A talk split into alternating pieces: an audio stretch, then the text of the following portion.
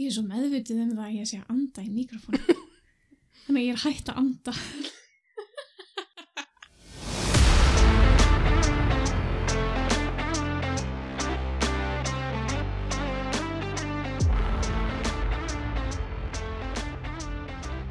Velkomin í Sofaspjallið. Hæ. Ég heiti Kolla. Ég heiti Toppa.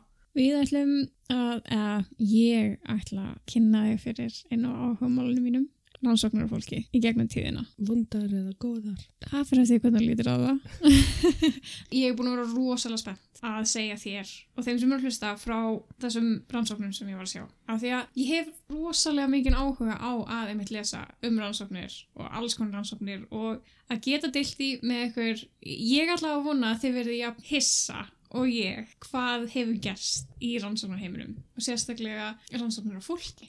Bara svo að þið vitið það, Toppa fer djúft. Hún er ekki svona yfirborðskúklari, þannig að þetta er mjög áhugavert og ég er mjög spennt. Ok, núna komur svakaleg pressa eins gott að ég sé ekki að fara að valda neinum vonbröðum. Pressa. Um, fyrsta rannsóknin sem mér langar til þess að segja eitthvað frá í dag er rannsóknin sem voru gerðar á fengum millir 1913 og 1951 og þó þetta sé fyrir okkar tíma að þá er þetta samt svo ótrúlega nálátt okkur og mér fannst þetta með gefa rosalega góða hugmyndum það hvað læknavísindin hafa farið hratt og hvað var mikið sem að vera uppgöta á þessum tíma.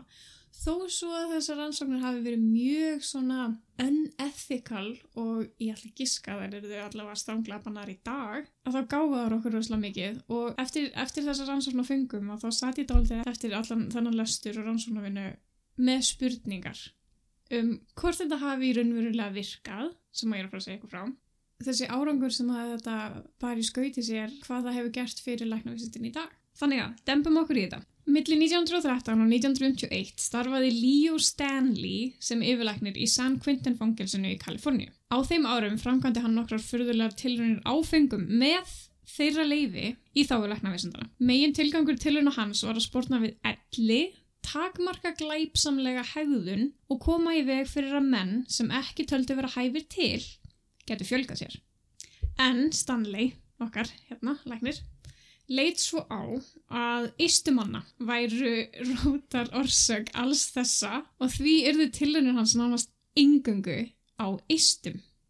Já, þetta er kannski ekki beint það sem að flestir myndi ákvaða að grípa að fara að rannsaka en hann var greinlega með einhvern svakalega áhuga. Og þú sagði þér þetta væri með leifi þeirra. Já, þetta var með leifi fangana. Þannig að þeir hafa, vi- þeir hafa vitað og sagt já. Þeir voru að fá held ég að ég trú ekki neinu öðru einhvers konar fríðindi í fangjásinu hvort sem að hafi verið mitt lengi, lengri tími úti eða ég veit ekki hvað var Þetta, þá þetta hlýtur að hafa verið fangar sem að væri, voru dæmdir til lífstíðar. Já, þetta voru, þetta voru lang, langvarandi fangarnir Já. Og þeir hafa ekkert að tapa. ég, ég myndi giska á það því að ég held að maður myndi ekki fara í fangilsi og vera og þeir eru ekki að fá neitt eistna kýtl þannig að þeir grip tækifæri já, um að gera, láta einhvern þykla, Já. sér sem að skilda núna, ok Já. Já, í einni slíkri tilraun tók hann eistu af ungum og hraustum fengum sem hefðu nýlega verið teknir af lífi og grætti þau í eldri fanga sem komnir voru með elliglöp.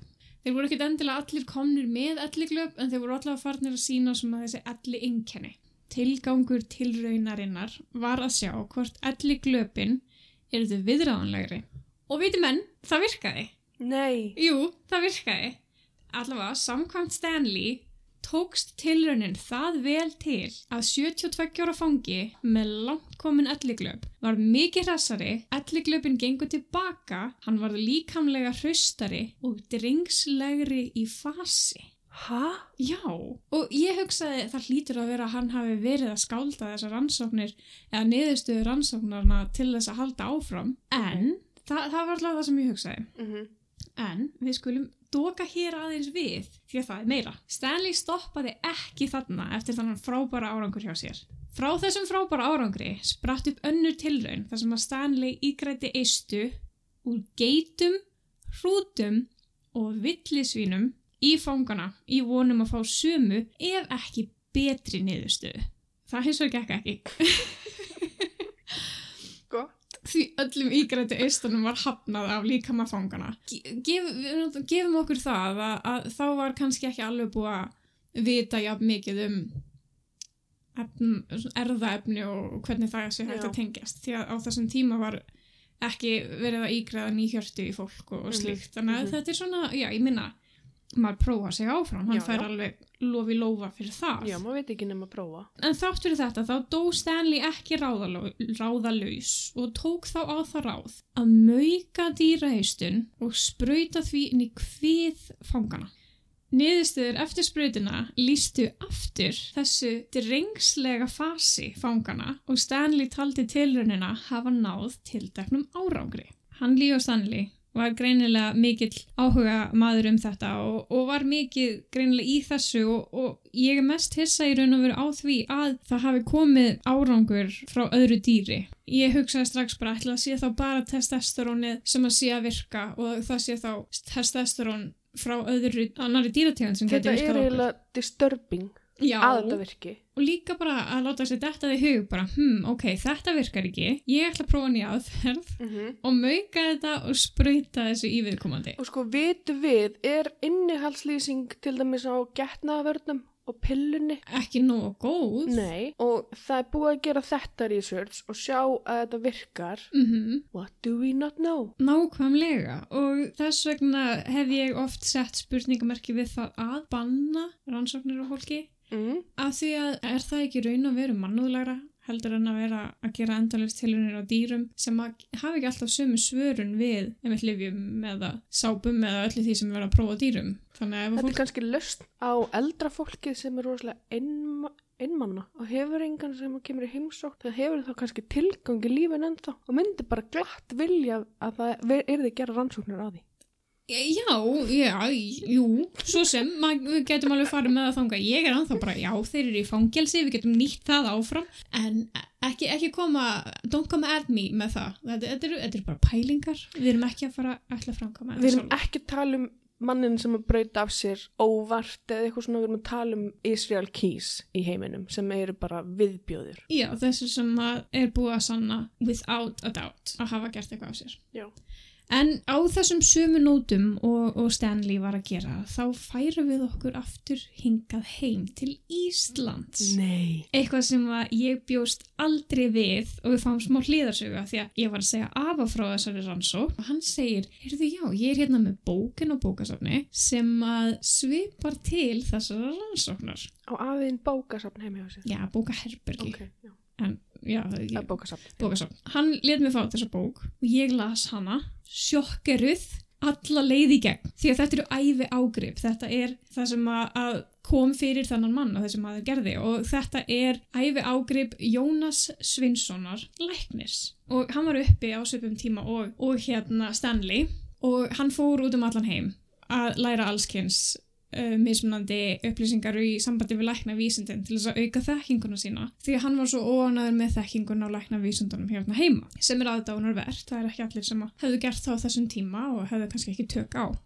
Nema að hann varð vitni af svona þessum yngingar aðgerðum hjá hundum hjá, hjá manni úti í Vínarborg og honum þótti þær vera ofbóðslega áhugaverðar aðgerðir og vildi framkvæma slíka aðgerð hér heima sjálfur. Í kringum 1927 á Kvamstanga borgaði Jónas Sveinsson ungum uh, svona bonda, hvað hétt þetta þá? Það sem þeir voru komu og, og voru að vinna á, á bondabæjum Sem voru sendir í sveit. Já, já, borgaði ungum, ungum slíkum manni, held ég að hafa verið 100 krónur íslenskar á þeim tíma, fyrir annað eistað á honum.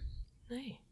Og hann tók eistað úr þessum unga manni og ígrætti það á einn mjög háaldraðan einstakling og fekk sumu niðurstöðu og Stanley. En munurinn á því sem að Stanley var að gera og það sem að að Jónas Svinsson var að gera var það að í staðan fyrir að taka allt eistað að þá skar Jónas bara smá bút af eistanu og ígrætti á gamla eistað og fekk sumu niðurstöðu og hann segir í bókinni sinni að gamli maðurinn sem hann framkvæmdi aðgerðina á hafi orðið það hress að hann var farin að valda vandræðum á bóndabænum sem hann bjó á því að hann var alltaf að reyna að skriða upp í hjá heimasætinni.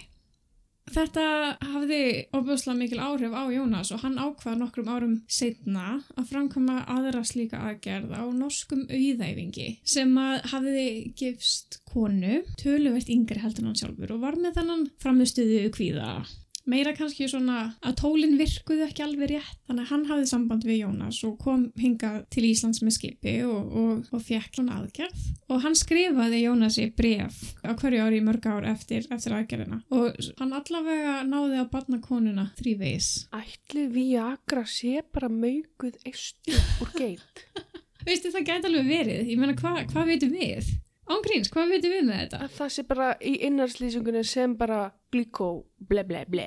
Já, eitt af þessum miljón orðum sem Já. er ómögulegt að bera fram Já. En að hugsa til þess að svona aðgerðir hafi verið framkvæmdar með árangri hérna heima, það, það er eitthvað sem maður ætti að vera að tala meira um. Af því að þetta var ekki að vera falið í bókaherbygginu heima hjá Ava, sko. Nei. En Jónas talaði líka sjálfur um það í bókinni að hann fekk greitt frá þessum, frá þessum norska viðkilvingi, alveg töluverða upphæð. Uh, ég man það ekki fljótu bræði hvað það var, en hann skrifar, hann hefði geta beðið um, ég held að hann hefði geta beðið um 10.000 krónur. Hvort það hafi verið þá 1.000 krónur sem hann fekk greittar. Af því að kaupmaðurinn var svo rosalega tilbúin til þess að fara í þess aðgerða, hann var tilbúin til þess að borga hvað sem er. Þannig að það hefði verið alveg góð summa, sérstaklega á þessum tíma, Af hverju er þetta ekki þing í dag? að fá borga fyrir lífæri. Nei, að eistna ígræðsla. Ég veit ekki. Ég skil ekki af hverju þessar rannsóknir fór ekki lengra því að ég finn ekkert um þetta í dag í neinum læknaritum. Kannski er ég ekki búin að vera að leita nógu djúft en þetta vakti svo svakalega áhuga hjá mér því ég hafði aldrei heyrt um slíkt áður. Hvað þá að það virkaði? Því að ég hugsa til þess að, að því nú eru margir fullorðnir kallmenn að eiga í erfileikum og í staðin fyrir að vera ígræða einhverja pumpu sem að maður pumpar tippið upp í, í lærin á Mhm. sér að þá var þetta kannski haldbærari laust því að. Því að ég minna læknar í dag eru til dæmis ekkert brjálaðislega hrifnir að því að láta okkur konunar frá estrogen fyrir fyrir maður breytingaskeiði. Væri þetta þá ekki eitthvað? Ég, ég væri til í að finna eitthvað svona sem að geti mögulega haft áhrif á, á okkur konurnar. Rannsók sem að myndi benda til sömu niðurstöðu. Við látum það býða betri tíma og ég uppfæri ykkur ef, að, ef ég finnst líka rannsók. Kolla, hvað finnst þér um þessa rannsókn á fengunum og eistum og, og því öllu? Sko, að þetta hafi verið rannsaka á föngum, það lætur mér líða vel. Út af þetta voru fangar sem að vildu bara eistna kýll. Já, lítið á björstulega þannig að Já. segja. Hefður þú viljað vera uppi á þessum tíma og kannski þekki einhvern af þeim? Nei, Ég er alveg þar. Ég er svo rosalega forvitin um það hvort þetta hafi raunverulega virkað. þú myndir vilja heyra review. Já, Já, 100%. Ég meina, jú, við höfum frásögn frá Íslanding hérna og svo þessar rannsókn Erlendis og þessar yngingar aðgerðir á hundum, það eru alveg well documented, en á maður að trúa þessu. nákvæmlega, það er það sem ég var að hugsa. Já, Því að bara í dag, þá serðu kannski vöru og þú ert að aðtöku hvort þú er að kaupa hana og það er svo mörg review sem eru sannfærandi, but they're paid partnership. nákvæmlega. Hvort þetta hafið verið þá líka til Akkurat, að fólk var þvingað til þess að segja þetta virkar, já, nákvæmlega. kannski hafa það bara verið alltaf traumatized til þess að segja eitthvað annað. Það getur verið. Þetta er ekki, ekki beint. Æ, þetta með eistu úr dýrum, það, ég setti spurningamerki við það að það hafi virkað. Mm -hmm. En með, með þessa ígræðslu á þessum tíma, með við blóðfræði og allt þetta allt saman sem að við vitum í dag, hvaðum svona æ, öll þessi lif sem að fólk þarf að taka þegar það hefur verið að fá ígræðslu. Svo er það líka parturinn þegar að fólk fer til læknis í svona rannsóknir og þeim er skipt í hópa. Mm Einn hópurinn fær bara sigurpillu, Já, annar hópurinn fær raunverulega lifið. já, En báðir hópar sína fram á að þetta virkar. já, Það getur verið. það getur verið. Ef að þér er sagt að eitthvað virkar, þá getur þú trúið því og það bara virkar. Have you heard of manifestation? Nú, what is manifestation? Í næsta þætti. Höfum við tíma fyrir, fyrir eina rannsóknu viðbútt? Já. Ok, þessi er ekki, hún er ekki löng, en hún er slæm og hún er kölluð The Monster Study og af góður ástæðu. Því að þessi rannsókn er hrein ílska að mínum aðeins. En það var árið 1939 í Iowa háskólanum sem að rannsakandunir Wendell Johnson og Mary Tudor með góða enska Það hljómar eins og ráðmálingar. Já, já, þetta gæti alveg verið raðmólingarnöfn en, en við erum ekki að fara í þá áttina sem betur fyrr. En já, rannsakandunir, Johnson og Tudor, tóku upp á því að gera tilraun með stam og málheldu á 22 munarleysingum í bænum Davenport í Iowa. Þetta er alveg akkurat hinum megin á skalanum fangar og munaðleysingjar. Ok, þegar þú segir það svona, ég tók ekki eftir þegar ég voru að setja þáttinn saman. Já, svona, já, fullótti fólk og, og, og, og eldri menn að læknast og svo fyrir við í börnin. Já, sem að bara bruta af sér og þurfa að taka afleiðingunum. Mm En munaðleysingjar, þið báðu ekki um að koma í heiminn, einhver það eftir og það er verið að rannsaka á þeim. Já, og þetta lofaði auðvitað góðu með að rannsaka stama málhaldi því að það að getur haft svo langvarandi áhrif með Mm. Þannig að þegar ég byrjaði að lesa þessa rannsókn, þá hljóma hún og vel. Mm. Nema það að, að börnunum var skipt í tvo hópa og þess má geta að alls ekki öll þessi 22 börn þjáðust af stami eða málhaldi og tilraunin í raun og veru var að fyrri hópurinn af 11 börnum fekk jákvæða talmeðferð þar sem þeim var hrósað fyrir vel talað mál og litið fram hjá því ef þau stömuðu eða töluðu vittlust sem er frábært og, og ég veit er meira notaði mitt í dag Nema það að setni hópurinn fekk neikvæða talmeðferð þar sem þau voru niðurlægð fyrir lélegt málfar og tala niður til þeirra ef þau stömuðu. En þetta er, hvað, 1939, það aftur er ekkert rosalega langt sinna þetta var. Þannig að Ég var tveggjara. Jú, jú, jú, jú. En fyrri hópurinn sem að fekk jákvæða talmeðferð, þau síndu meira sjálfsöryggi, bæði í tali og fasi og voru óhrætt við að tjá sig. Þó svo að stamið hafi ekki hætt hjá þeim sem það hrjáði áður, þá hefði stamið minga töluvert. Bara ótrá sjálfsöryggi og að þóra að tala, sem er frábærniðust það. En setni hópurinn hins vegar síndi áberandi látt sjálfsmat, látt sjálfsöryggi og voru hlétræk. Stamið hafði versnað til muna og nokkur barnana sem að upprunalega stömuðu ekki Nei. hafðu þróað með sér stam. Oh. Það þótti einnig mjög áberandi að börnin í seinni hópnum forðuðust að tala. En þó að rannsóknin hafi verið í nútíma samfélagi talin raung og ómannúðleg þá eru það eftirköstin sem eru talin vera verri. Talsmáti barnana í seinni hópnum var aldrei leiðréttur. Ekkert var gert til að byggja aftur upp sjálfströstið og voru þessu börn send út í samfélagið skemmt. Engin eftirfylgni var gerð og ekkert er í raun vitað um hvað varð um einstaklingana eftir vistuna á munaleyska heimilinu. Spurningin er, var það vegna þess að þau voru munaðarleys? Gerði það tilraunina auðveldari fyrir rannsakandur og stoppaði það þau í að leiðrétta hegðun barnana vegna forvitni rannsakanda? Þetta er bara ílska. Já, ég held að þessi, þessi tilraun sé alveg rétt nefnd, Mm The Monster Study. Þeir sem voru að rannsaka greinilega voru bara að því to get the results. Já, bara Svo þegar því var 100%. lokið þá hund- bara bless. 100% Mhm. eigin hagsmunir þó svo einmitt að að rannsóknin sé rosalega raung að, að gera enga eftirmála það er það sem ég bara, ég Mhm. skil ekki kannski, bara þegar ég er að hugsa um þetta núna kannski setti það striki í reikningin að þarna er setni heimstyrjöldin að byrja hvort að það gæti hafa spilað einhver áhrif í af hverju þau voru yfirgefin og í raun og veru þessi eftirfylgni var ekki framkvæmd Mm. en á sama tíma það ekki að skipta máli því þetta eru börn Þetta er bara snjóbolti sem rúlar Já. og heldur áfram. það er einmitt, einmitt það sem að, að mér finnst vera mjög mikilvægt að það sé gripið inn í og ef þetta myndi komast upp ef þessi rannsóknar framkvæmt í dag ég held að, að það yrði rosaleg samfélagsleg reyði Sem betur fyrir þarf ekki að rannsaka svona í dag. Þú veist að aðtuga hvort að jákvætt hafi svona áhrif og neikvætt svona áhrif. Við eigum að vita það. já,